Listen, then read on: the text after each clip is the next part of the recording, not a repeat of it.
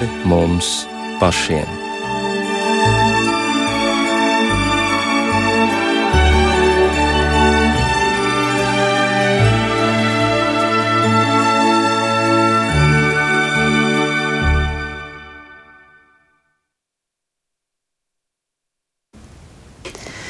Esiet sveicināti radījumā pāri mums pašiem, kurā šovakar viesojas Šveices Lugano Universitātes profesors, teoloģijas zinātņu doktors priesteris Andris Marija Jarumanis. Labvakar! Labvakar jums!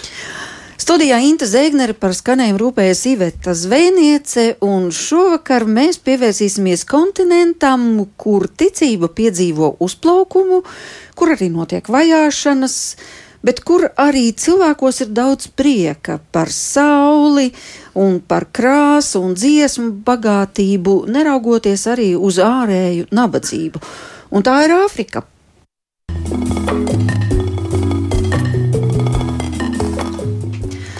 Mama Afrika. Jā, neesmu bijusi šajā kontinentā, toties jums pašam ir pieredze ar Āfriku. Jūs vairāk kārt tur esat viesojies. Un kas ir tas īpašais, neatkārtojamais Āfrikas kolorīts? Arī cilvēki, arī viņu ticība, protams. Nu, vispirms daba. Daba. Es domāju, ka tā viskaistākā pasaulē ir. Jā. Papagaļi, leopardi.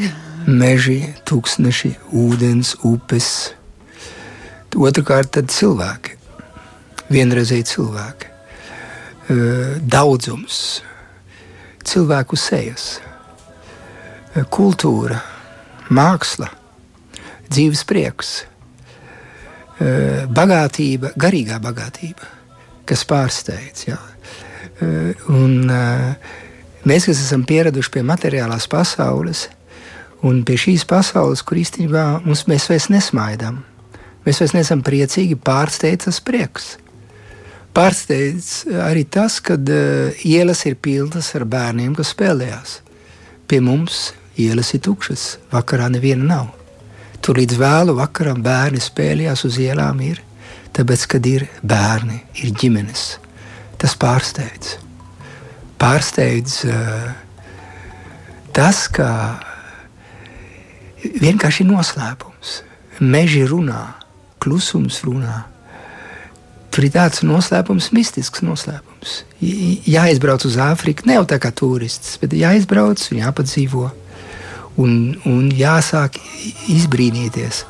Uh, jāskat, jāsāk skatīties ar, citiem, uh, ar citu skatījumu, lai saprastu, ka pasaule nepastāv tikai no rietumu pasaules, vai no, no Krievijas, vai no Āzijas, vai no Dienvidu Amerikas, vai no Amerikas, bet arī ir Āfrika kur šodien visvairāk jaunieši ir pasaulē, kur ir nākotne, ir tur un paradoxālā veidā eh, visnabadzīgākais kontinents. Bet arī ļoti daudz prieka tur ir. Jā, tas ir tas, kas pārsteidz. Tad nāk prātā Kristus vārdi, ja? kas, kas parāda, ka eh, bagātība apdraud mūsu iekšējo dzīvi. Mēs, bagātība jau nav slikta, jo katrs uh, nabadzīgs cilvēks, kas ir Āfrikā, viņš, viņam pietrūks pat, pat minimālais, lai izdzīvotu. Un, uh, viņš būtu priecīgs, ka viņam būtu pāris uh, tas minimālais, lai iztiktu. Bet, ar, bet viņš ir brīvs, iekšēji brīvs. Bagātība noņem mums šo prieku, aizver mūsu acis ciet uz, uz to pārdabisko, uz to neredzamo.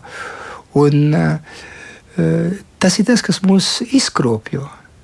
Bagātība, Kristus jau brīdināja par to, ka eh, bagātī, bagātniekam ir daudz grūtāk ienākt, debesī, ienākt debesīs, kā, kā kamielim izlīt.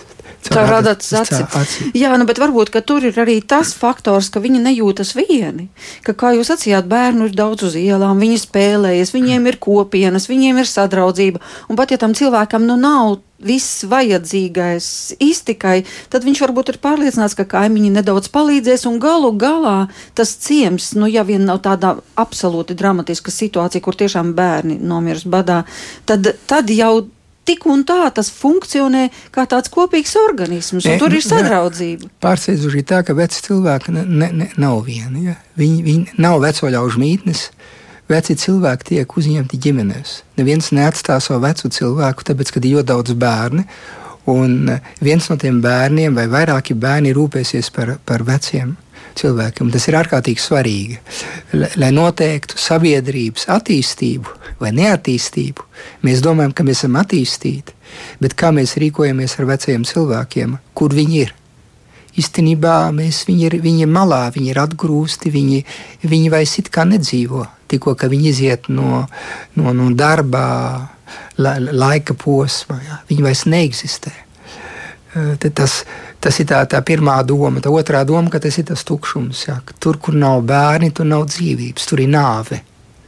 Tad aizbrauc uz Āfriku, neskatoties uz to, ka tur arī ir ļoti negatīvas puses. Tā milzīgā nabadzība, Eh, bats, eh, ciešanas, kari.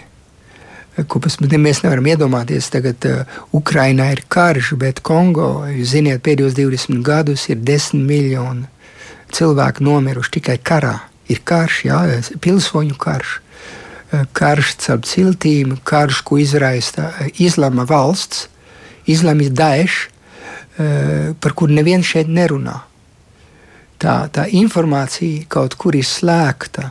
Mūsu pasaule ir slēgta, rietumu pasaule ir vienkārši ieraugusies sevi. Un eh, par to otro pasaules daļu, par, eh, par zemeslodes otro sfēru, ja mēs neviens nerunājam. Ļoti, informa ļoti maz informācija nonāk par kaut kādu nelaimi vai par kaut ko, ja nav sensācija. Mēs nodarbojamies tikai ar mūsu problēmām. Aizbraucot uz turieni, tu saproti, ka pasaule ir daudz plašāka. Tad, ja mēs ticam uh, etnogrāfiem un antropologiem, tad ir jāzina, ka pirmais cilvēks nāk no Āfrikas. Redz kā. Bet kāpēc jūs devāties uz turieni? Es devos tur kā, kā misionārs, kā arī iesaistīts kādā palīdzības grupā, uh, gan uh, lai celtu skolas Etiopijā vai, uh, vai Kongo. Un, uh, Un, un tad, tad atklājās tā puse, ja, ka, kad, kad izglītība ir ārkārtīgi svarīga. Ja. Un kad otrajā brīdī izglītība Āfrikā ir atkarīga no viena liela daļa no kristiešiem. Jūs zināt, ka Āfrikas kontinents, pusi no Āfrikas kontinenta ir kristieši. Bet pārsvarā centrālajā Āfrikā. Visur Āfrikā, visur. Samērā mēs tā varam teikt, ka uh, ka, protams, Ziemeļāfrika tā ir izlama, izlama uh, iespaidā, bet pārējās valstis ir, ir, ir kristiešu iespaidā. Un, un tas, kas pārsteidz, ka ja katoļi bija 2% 1900. gadā, šodien viņi ir 20%. Un ne jau par velti pāvests jau veids ceturto braucienu uz Āfriku un pēc pāris dienām viņš dosies uz Kongo un dosies arī uz uh, Dienvidu-Sudānu. Ne jau par velti 20% ir katoļi un, un arī 20% apmēram vai 15% ir protestantu. Pārējie ir animisti un, un uh, islāma reliģija cilvēki. Bet tas skaits, ja proporcionāli ņem, uh, skaits ir kristiešiem liels, liel, aug, tā, tā attīstība no simts gadu laikā bijusi no, no 1%, 2% līdz 20%. Jā, nu, par pāvesta vizīti arī mēs parunāsim, kas sāksies 31. tur tieši janvārī. E, jā, janvārī.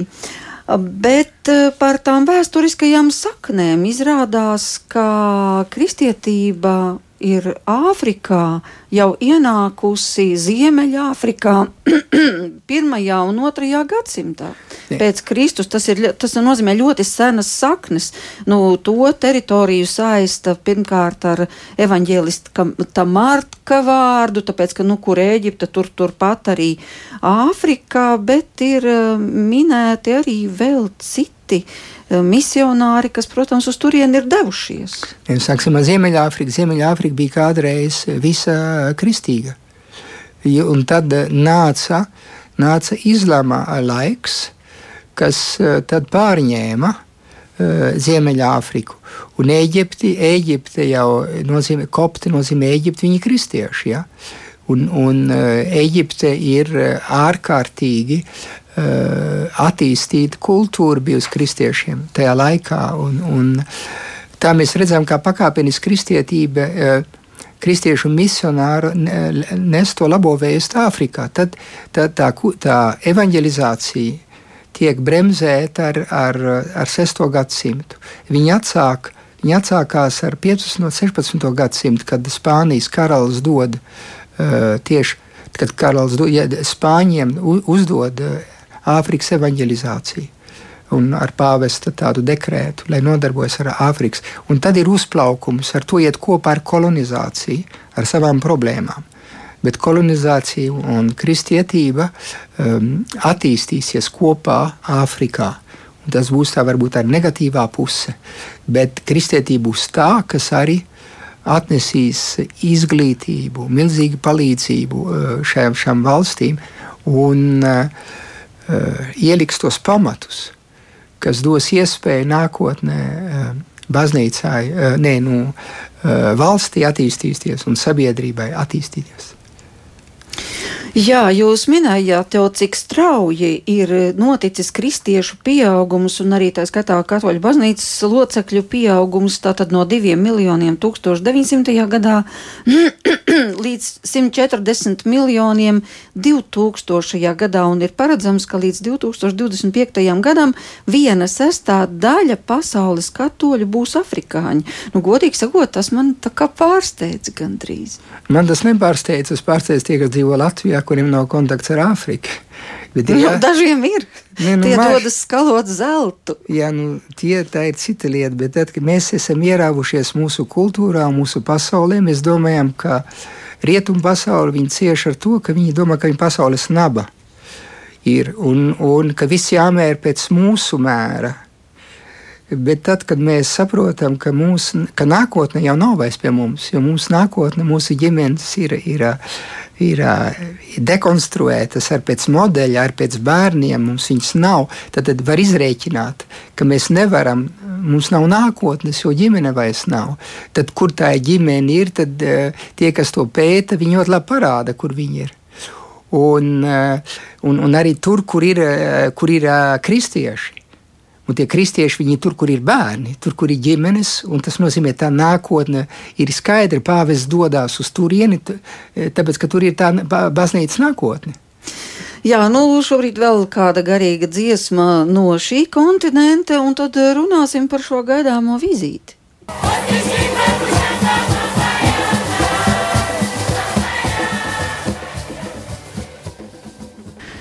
Nu, lūk, tās tiek svinēti dievkalpojumi, un esmu redzējis tiešām pat kadrus, kā tiek uh, Kā cilvēki ienāk baznīcā, arī tiek nests krusts, jā, pa priekšu, aizmugurē ir ministranti ar šiem kvēpināmajiem traukiem, bet viņi neiet tā statiski skaisti svētsvinīgi, bet viņi tur dejo aizmugurē aiz tā krusta, vispār visi sit plaukstas un ir tāds prieks, ka tūlīt notiks liels notikums, jā.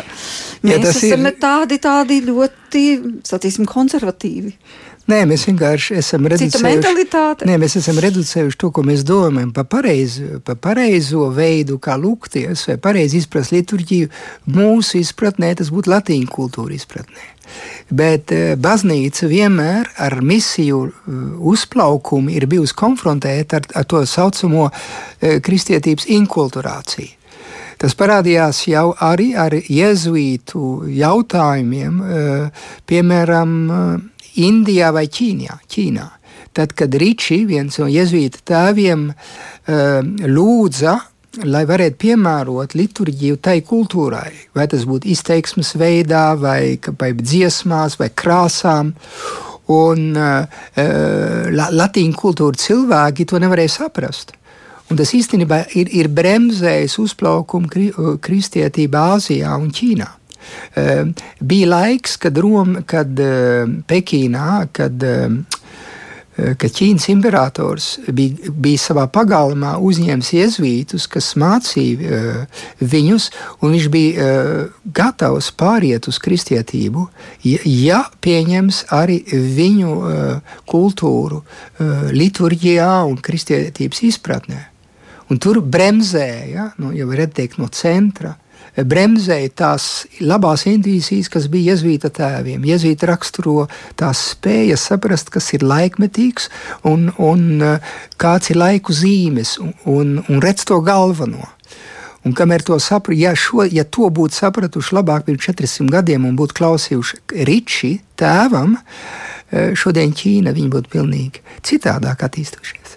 Tas būtu pilnīgi uh, kontinents, kas būtu kristīgs. Nu, valsts, kas būtu pilnīgi impērija, kas būtu kristīga, imperators būtu būt konvertējies, būtu pieņēmis kristietību. Tas nozīmē, uh, nonākt Āfrikā, tas, tas satikt cilvēkus, kas nav aizmirsuši, ka Dāvids dejoja uh, liturģijā, svētās ārkas priekšā. Un kad Augustīna laikā ja, klapē rokas svētā sakramenta priekšā. Nu, viņi to dara arī tagad, Āfrikā. Āfrikā, Āfrikā liturģija ir, ir, eh, protams, klasiskā uh, latīņu liturģija, bet kas ir ieņēmusi savā struktūrā, uh, piemēram, Kongo, ieņēmusi dejas un dažas, dažas raksturīgus, dažus raksturīgus elementus, ko mēs, protams, varēsim redzēt pēc pāris dienām, ja skatīsimies dievkalpojumu vai uz YouTube vai, vai internetā ar pāvestu Kinšasā. Jā, bet ziniet, ka tas pat nav tikai Āfrikā pašā, bet man ir gadījies, piemēram, būt baznīcā Londonā, kur ir ļoti daudz afrikāņu un kur arī to var just, gan šos krāšņos tērpus, gan to ar kādu prieku viņi iet uz dievkalpojumu, ar kādu azartu viņi tajā piedalās, cik dedzīgi viņi sludina. Tur ir šī tāda pozitīvā enerģija. Bet ne jau tikai tas, varbūt tas neparastākais ir arī tomēr viņu grūtais liktenis, jo kristieši jau Āfrikā tiek vajāti, un laikam tas ir kontinents, kur šīs vajāšanas pat ir visspēcīgākās. Kas par šīm vajāšanām? Ja pēc, zināmas. Eh, pēc pēdējiem pētījumiem eh, tas nozīmē, ka kristietība ir visvajātākā reliģija pasaulē. Kristietība. Jums pašam ir izskaidrojums, kāpēc? Nu, Kristus to ir teicis, ka, ja jūs man sekosiet, jūs tiksiet, tiksiet vajāti. Ja viens patiesa kristietis ir, viņš ir provokācija un, uh, un viņš tiek ienīsts. Varbūt tur tas pārdabiskais, metafiziskais izskaidrojums ir tas visvienkāršākais un varbūt tas, kas liek pārdomāt visvairāk. Ja kāpēc kristieši šodien visvairāk vajāti?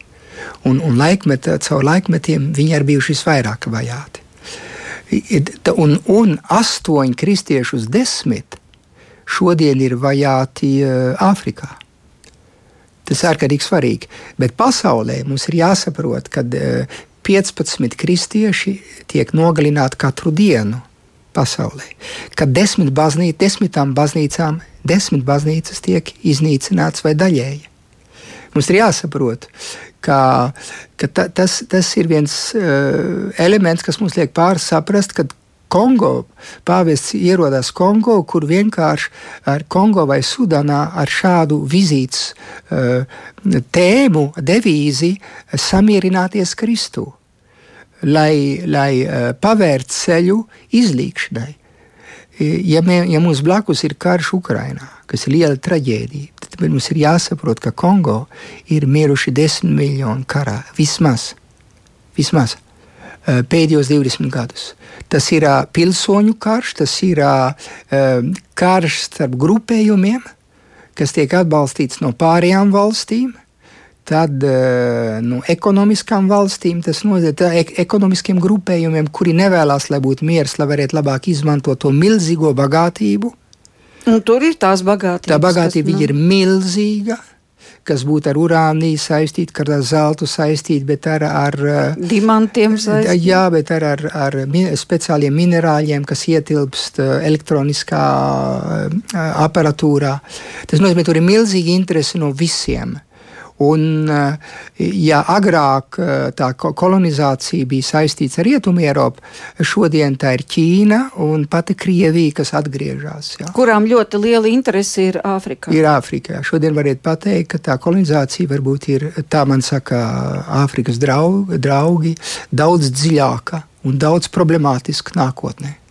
Eh, viņa piesaista šo kontinentu. Kādā, kādā veidā? Nu, piemēram, Ar... nopērkot visu zemi, kas ir apakšzemē, jā, visas bagātības, kas ir uz simts gadiem, piemēram, Nigērijā, visa apakšzeme, viss vis bagātības ir nopirkusi Ķīna. Jā. ja nemaldos, Ķīna vai Krievija. Jūs saprotat, tas nozīmē, ka un, no tā, tā bagātība aiziet dažās ģimenēs. Un ne tautai neatgriežas. Jo milzīgā problēma ir, kā pāvests teica, Āfrikai - korupcija. Tas nozīmē, ka maza grupa cilvēki paņem rokā šo milzīgo bagātību, un tad varbūt visbagātākais kontinents pasaulē ir visnabadzīgākais. Un tur ir tas paradoks, un tas ir saistīts ar vietējo korupciju, un tas saistīts ar, ar, ar bijušo kolonizāciju, bet ar jauno kolonizāciju, kas pakļauj šo kontinentu un kas izraisa milzīgu problēmu nākotnē, kas arī um, neskatās uz dabas aizsardzības problēmām, kas būtu jāvēro, izraisa milzīgo migrācijas problēmu, kas arī mūs skars nākotnē. Tāpēc tas ir kontinents, kur varbūt visvairāk cieš šodien. Tā nav Dienvidamerika, tā nav uh, Āzija, bet tā ir Āfrika. Un, uh, par to ir vērts pārdomāt. Ja, uh, ja mēs runājam par Āfriku, tādos, kā mēs iesākam ar tādu pozitīvu skatījumu uz cilvēkiem, uz kultūru. Un pāvests pagājušajā nedēļā deva interviju. Viņš teica, caurmērā mēs nākam uz Āfriku, lai izlaupītu. Tāpēc, ka mēs skatāmies uz Āfriku kā uz, uz, bagāt, uz materiālo, uh, materiālām bagātībām, caur tādu materialistisku skatījumu. Bet es vēlos nākt un skatīties uz cilvēku. Uz, uz, uz cilvēku, kas ir bagātība. Un Āfrikas bagātība ir cilvēks. Tā kultūra, tas smaids, viņu sirds. Un tas ir tas, ko saka Francisks, ko viņi var mums mācīt un mūs bagātināt un mēs viņus padarām īstenībā nabadzīgākus, jo mēs viņam uzspiežam mūsu dzīvošanas veidu, mēs gribam viņus pārveidot. Domājams, ka mūsu kultūra, ka mūsu dzīvošanas veids ir labāks. Bet īstenībā mēs varam mācīties no viņiem, kā viņi mīl ģimeni, kāda viņiem ir attiecības, e, un kā, protams, e, neskatoties uz, uz tām problēmām, kas arī ir, e, tur, tur ir jāpārkāp daudz lietas, jātīsta daudz lietas. Mums arī nevajadzētu tā iekrist tādā negatīvā, it kā rietumi vis, rietumos, rietumu pasaulē viss būtu slikts. Nē, vienkārši viņi mūs atgādina to, kas mums arī kādreiz bijis, bet mēs, mēs, mēs esam to aizmirsuši. Un tas nozīmē, ka Āfrikas cilvēks var mums palīdzēt atgādināt, ka cilvēks arī reliģisks pēc savas dabas Āfrikā, eh, kad izskaidrs pētījums, 99% saka, ka viņi tic dievam, ka viņi ir reliģiski. Un ka tas ir normāli ticēt, un ka tas uh, reliģiskums jau neizkropļo cilvēku. Šodien, protams, kā jau teicu, 50 vai 60% afrikāņi ir kristieši, 30 vai 35% islāma cilvēki un pārējie ir animisti. Kas ir vietējā tradīcija, pā, viņu reliģija, kas ir bijuši savā pirms uh, misionāri atnāca un, un, un, un, un Viņa iepazīstina ar, ar kristīgo vai ar islāma reliģiju. Labi, bet kāpēc viņiem ir vajadzīga kristietība, ja, nu, kā mēs dzirdējām, kuri kristumu seko ar visu sirdi, viņu dzīve nekļūst vieglāka, bet gan gluži otrādi grūtāka. Kas viņus tad vilina pie kristietības? Uh, Kas ir tas, kāpēc viņi ar tādu deksmi uzņem šo vēstu un saprot, ka tā ir priekš viņiem, vēl neraugoties uz to, ka tur tiešām ir ļoti nopietnas vajāšanas.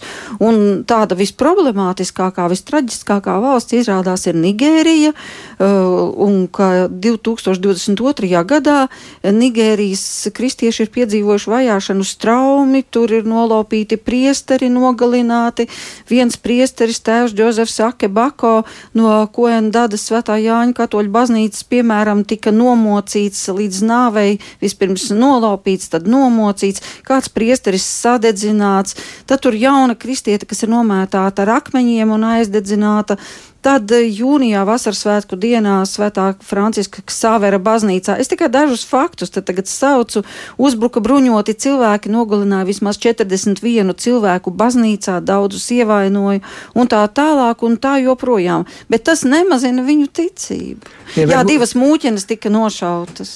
Nē, nu, pirms 15 dienām, kā es jums teicu, tēvs Izāks uh, uh, tika sadedzināts savā baznīcā un ļāva, iz, ļāva otram priesterim izglābties, viņš paliktu uz vietas, bet izsūdzēja viens otram grēkus. Tas, kas varētu izglābties, varbūt viens palika un otrs aizgāja. Un, un eh, es domāju, ka uh, mums ir vajadzīga uh, liec, liecība, ja? un, un te, šī liecība jau nav citādāk nekā Kristus liecība. Kristus ir devis savu dzīvību par saviem brāļiem, un varbūt mēs, mūsu auglība vairs nav tāda, tāpēc ka mēs sludinām kristietību, kur mēs neatdodam vai savu dzīvību par otru. Un mēs neesam gatavi uz upuri. To, ko Bīskaps Laskans kādreiz svētīgais, eh, tas, tas nozīmē godinamais, godinamais Bīskaps Laskans kādreiz teica, es esmu upuris par brāļiem. Ne, bet nu, normālais cilvēka instinkts ir, ja tu redzi, ka baznīcā ienāk grupējums un apšauj 41 cilvēku. Normālais cilvēks ir, eh, tā sacīt, instinkts ir nākošajā, nākošajā svētdienā es vairs nedošos uz baznīcu, bet tur notiek tieši pretēji. Nē, nu notiek pretējs, varbūt, ka te, tas garīgais izskaidrojums ir tā, ka tu, tava, tā, svētais gars tevī liek atpazīst, kur ir patiesība. Un tu saproti, kad redziet, mums, mums katrai ir ielikts tāds aicinājums uz kaut ko labāku, uz kaut ko cēlāku, uz kaut ko augstāku. Bet mūsu ikdienas dzīve mūs noslāpē to. Bet kā mūsu priekšā ir viens, kas ir gatavs sev dot par otru, mēs visi esam kaut kur iespaidot, mēs nesam spējīgi to darīt, bet tas mūs iedvesmo. Un, un kristietība ir, ir faktiski ir liecinieku reliģija. Mēs varam rakstīt grāmatas, tas mums nepārliecinās daudz. Pat mēs varam skaistus prediķus taisīt, skaistas konferences darīt, pat ja tas viss būtu svarīgi, bet vispirms ir grāmata ir cilvēks. Un eh, vis, kā, kā apustulis Pāvils saka, jūs esat dzīvā, dzīvais vārds. Un, un tāds tēvs Izāks, kas miris pirms 15 dienām, vai visi šie svētie, kas bijuši visās eh, vajāšanas laikos, bijuši, ir tie, kas ir devuši iespēju kristietībai attīstīties.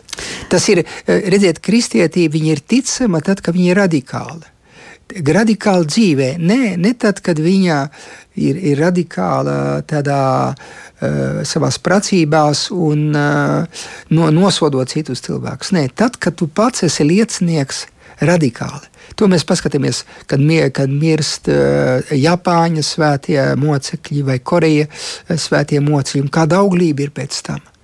Ja kviešu grauds neiekrīt zemē, saka Kristus, viņš nenes augļus. Nu, mums varbūt ra vārds radikāli saistās ar kaut kādiem ra radikāliem islāmistu grupējumiem. Tas pats vārds radikāls ir kļuvis tāds divdomīgs. Nu, ja, bet, Tad, bet ne, tas tā... nozīmē neredziet tas vārds mīlestības, uh, redziet, tas, tā radikalitāte, tā, tā ir mīlestības izcīlība. Tas nozīmē, es, ja es tevi mīlu, es tevi mīlu līdz galam. Ja es tevi mīlu, es mīlu kā Kristus tevi mīlēs, es atdodu savu dzīvību par tevi. Tur pastāv tā radikalitāte. Bet ne jau tā radikalitāte, kas nogalina otru cilvēku. Ne jau, jo reliģija kā tāda var arī nogalināt cilvēkus. Vēsture to parāda, mēs varam iekrist vienā nepareizā radikalitātē vai fundamentālismā. Un, un tur ir jāsaprot šo svēto līdzsvaru un šos, šos, šo svēto piemēru kuri sekojot Kristum, vienkārši spējuši pievilkt cilvēkus pie Dieva. Jo Kristus evanģelizācija jau nav prozelitisms, kur tu ar vāru piespied cilvēkus ticēt. Un to arī kristieši ir darījuši. Bet tas nav pareizs ceļš, tas nav nākotnes ceļš. Kristietība, viņi sako Kristum, kas saka, kad es būšu pacelts es pievilkšu pasauli pie jums.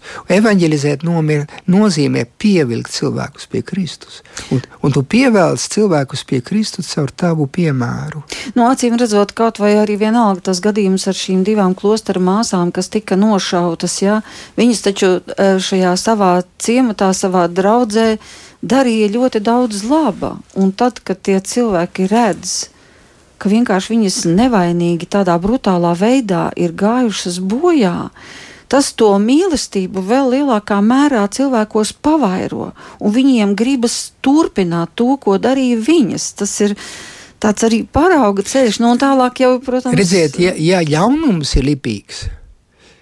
Tad arī labums ir, ir, ir, ir, nu, ir, iedvesmojošs.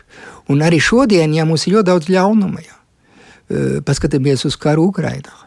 Bet, eh, bet paska, runāsim arī par to labo, kas notiek Ukrajinā. kā cilvēks viens otram palīdz, kā cilvēks atdod savu dzīvību par otru, kā, kā arī cilvēki mēģina atrast izlīkšanu, kā cilvēki jau mēģina skatoties nākotnē, bet arī cilvēki, kas dzīvo naida loģikā. Un dzīvojot naida loģikā, tikai domā, kā iznīcināt otru. Un, un, bet uh, uzvarēs jau pēdējais vārds jau būs kristuma, un uzvarēs jau beidzot mīlestība. Un bez mīlestības Eh, nav iespējams samierināties. Nav iespējams samierināties tā, ka es varu piedot arī tās, tās brūces, ko tas otrs cilvēks man ir izdarījis. Jā, bet vispirms jau mīlestība ir pašu ukraiņu savstarpējās attiecībās un šajā spējā uzapurēties. Tas jau atkal būs cits stāsts, bet šobrīd paklausīsimies, kā tad mm, dienvid, pasakiet vēlreiz, Kongo Demokrātiskajā republikā un arī Dienvidu Sudānā tiek gaidīts pāvests Francisks šobrīd. Iglesia sipela, lokumona Nu, mēs jau šobrīd dzirdam tikai šo audio formu, kā tiek aicināts Papa Francisko, un tā skaitā franču valodā, protams, jo Kongo republika jau tur arī franciski runājošā puse ir, jo atkal koloniālismu jautājums līdz 1960. gadam Beļģijas kolonija tā bija, bet lai nu kā, kad mēs redzam, tik daudz cilvēku šādā dejiskā formā. Nu, būtībā ar deju viņi aicina, aicina pāvestu viesoties Kongo, Demokrātiskajā republikā, arī Dienvidsudānā, bet taču tās abas arī būtībā ir bīstamas valstis.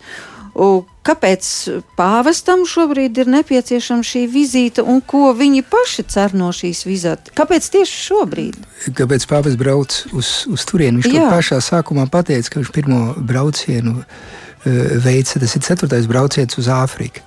Un pirmais brauciens bija uz Centrālā Āfriku, kur viņš aizbrauca, kas ir visnabadzīgākā valsts pasaulē, visbīstamākā. Viņam tajā brīdī mē, mēģināja viņu atrunāt. Tas bija uh, 13. gadā, ja nemaldos. Eh, viņš brauca. Viņš teica, tā, Kristus ir nācis priekš nabadzīgiem, priekš visvājākiem, priekš trauslējiem. Un uh, man jāiet tur, kur ir, kur ir kur cilvēks cieš. Jo mēs visi tiksim tiesāti pēc šiem Kristus vārdiem. Pēdējie tie, es biju slims, es biju vājš, es biju slims, jūs man apciemojat. Ja baznīca to dara, viņš saka, tad viņi izglābsies. Jo es vēlos baznīcu, to viņš vienmēr ir teicis, nabadzīgu baznīcu priekš nabagiem. Un tā liela, to viņš to var labi saprast, jo viņš pats nāk no Dienvidāfrikas, Dienvidamerikas, kur ir kontinents, kur, kas to, tomēr ar 50% cilvēku dzīvo nabadzībā un uh, ir, ir izpratuši, ka Kristus ir, ir uh, teicis šos vārdus. Visu, ko jūs esat izdarījuši visnabadzīgākam cilvēkam, visvājākam, jūs esat man izdarījuši. Un pāvests saka, ka baznīca jau ir autentiska, viņai jādod prioritāte tiem, kas, tiem, kas cieši un dodot prioritāti tiem, kas cieš, viņi satiek Kristu. Kristus ir tur, kur cieš. Tas ir labā samarieša uh, līdzībā pateikts, kur ir mans tuvākais, prasa Jēzum. Kāds uh, uh, ticības gudrinieks, un uh, tas nozīmē mācītājs, un viņš viņam atbild, mans man tuvākais ir tas, kas cieš. Nu, tāpēc ko, baznīcā jā. viņi nevar neiet tur, kur cieš. Un tajā brīdī pāvests saka, es eju tur, kur ir karš tur, kur ir ciešanas. Un uh, es nevaru neiet uz turieni. Tā viņš saka, tā, un otrkārt viņš saka, man tā ir tas pieder pie um, uh, žēlsirdības darbiem. Baznīca ir jāvērš žēlstības baznīca. Viņa baznīcā nav jānodarbojas tikai ar savām uh, tam desmit avīm, kas ir, kas nāk katru dienu un kas ir pārliecināts par savu ticību. Bet mēs tieksim tiesāti par to, ko mēs būsim darījuši uh, Jo, jo tuvāk mīlestība ir eh, baznīcas ticamības uh, pamats. Nu, un uz ko cer eh, afrikāņi tādā gadījumā? Viņi cer uz samierināšanu. Bet uz notiek. kādu samierināšanu? Mi, mi, milzīga, milzīgs konflikts ir starp ciltīm, starp, starp, starp cilvēkiem, kur, kur vara izmanto un ir konflikts starp islamismu un kristietību. Un e, viņu mērķis, tāpēc viņš tiek arī ielūgts, ir atnākt e, un, un liecināt par vienīgo spēku, kas, kas var palīdzēt izlīgt. Tas mīlestības spēks, kas nāk, protams, no kristiešiem.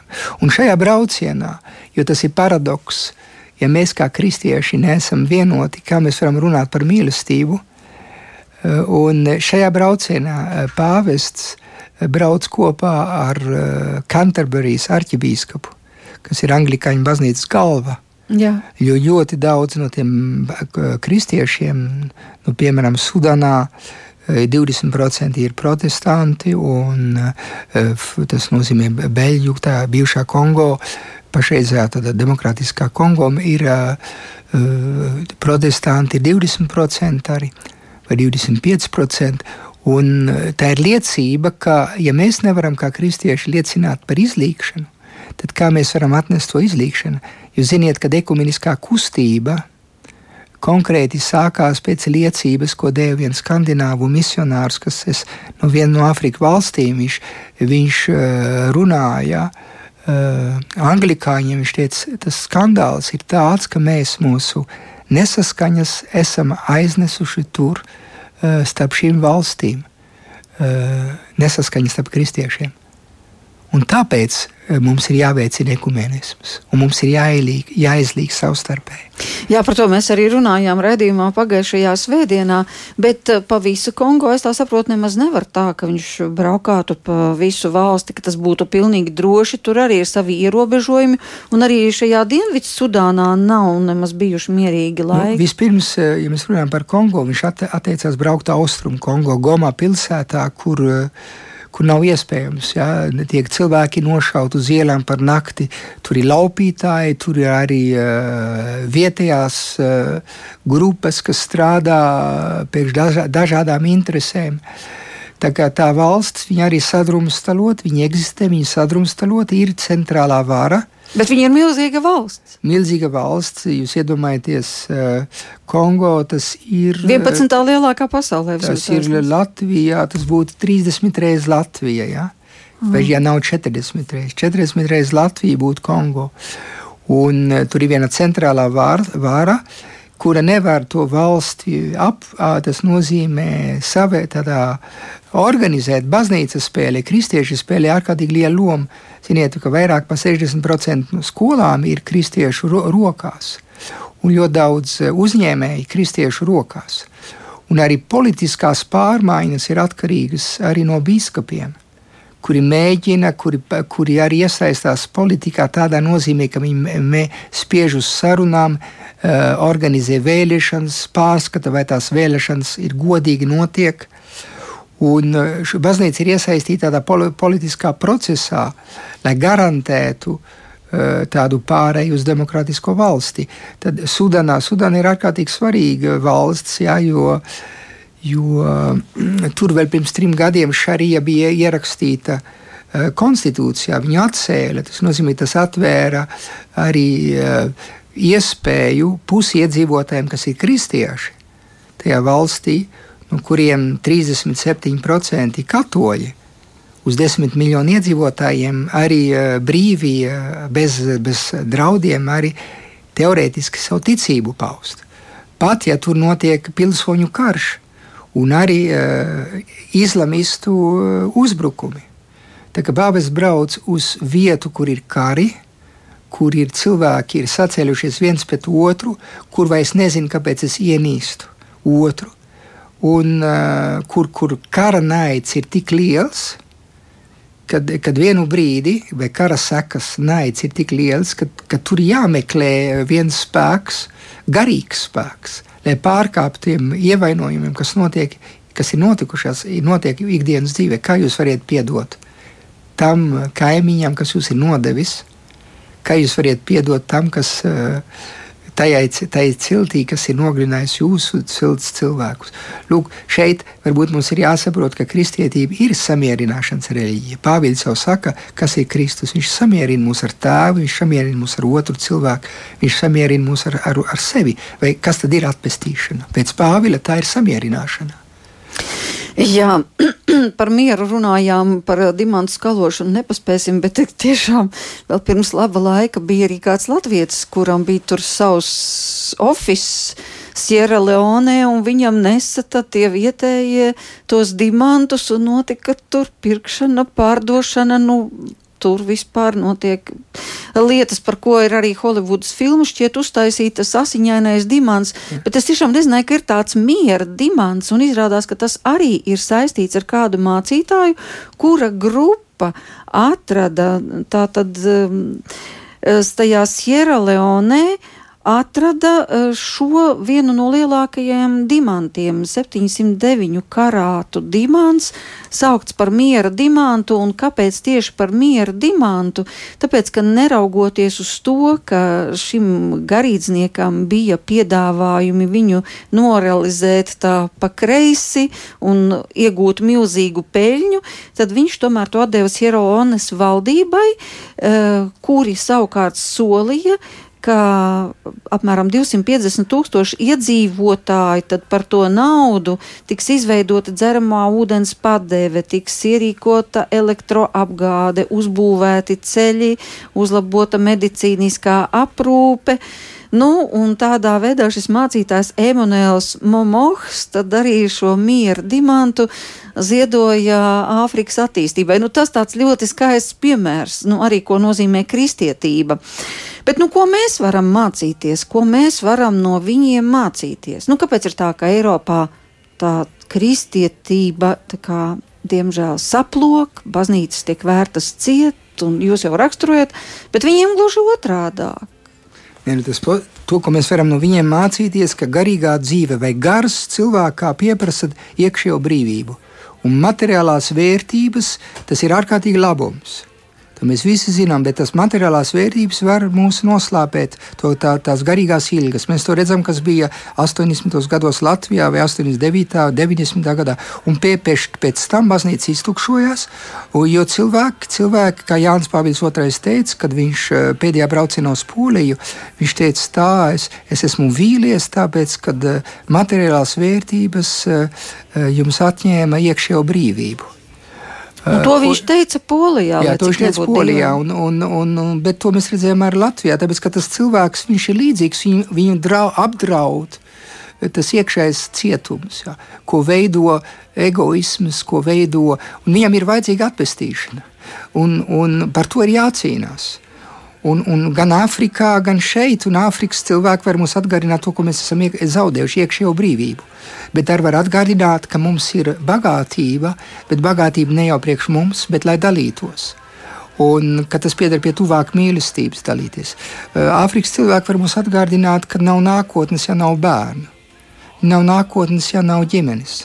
Nav nākotnes, ja mēs, ja mēs nogalinām bērnus smādas miesā ja mēs to uzskatām par cilvēku tiesībām, nogalināt bērnu miesā.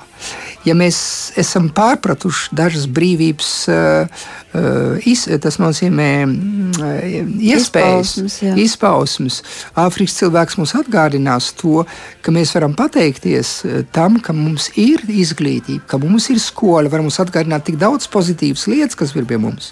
Jo mēs arī vaimanājam par sevi.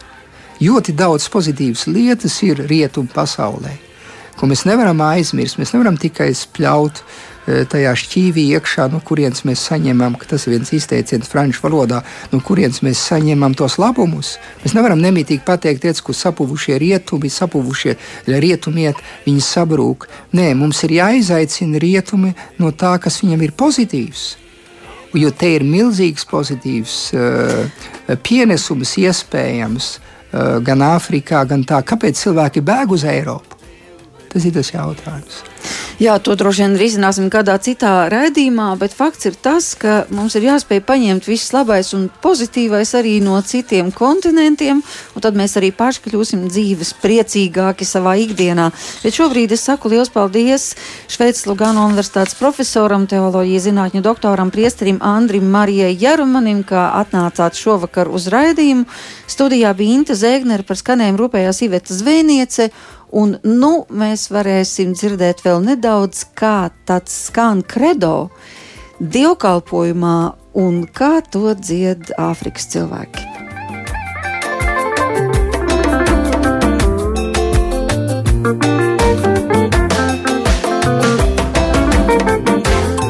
Will the Father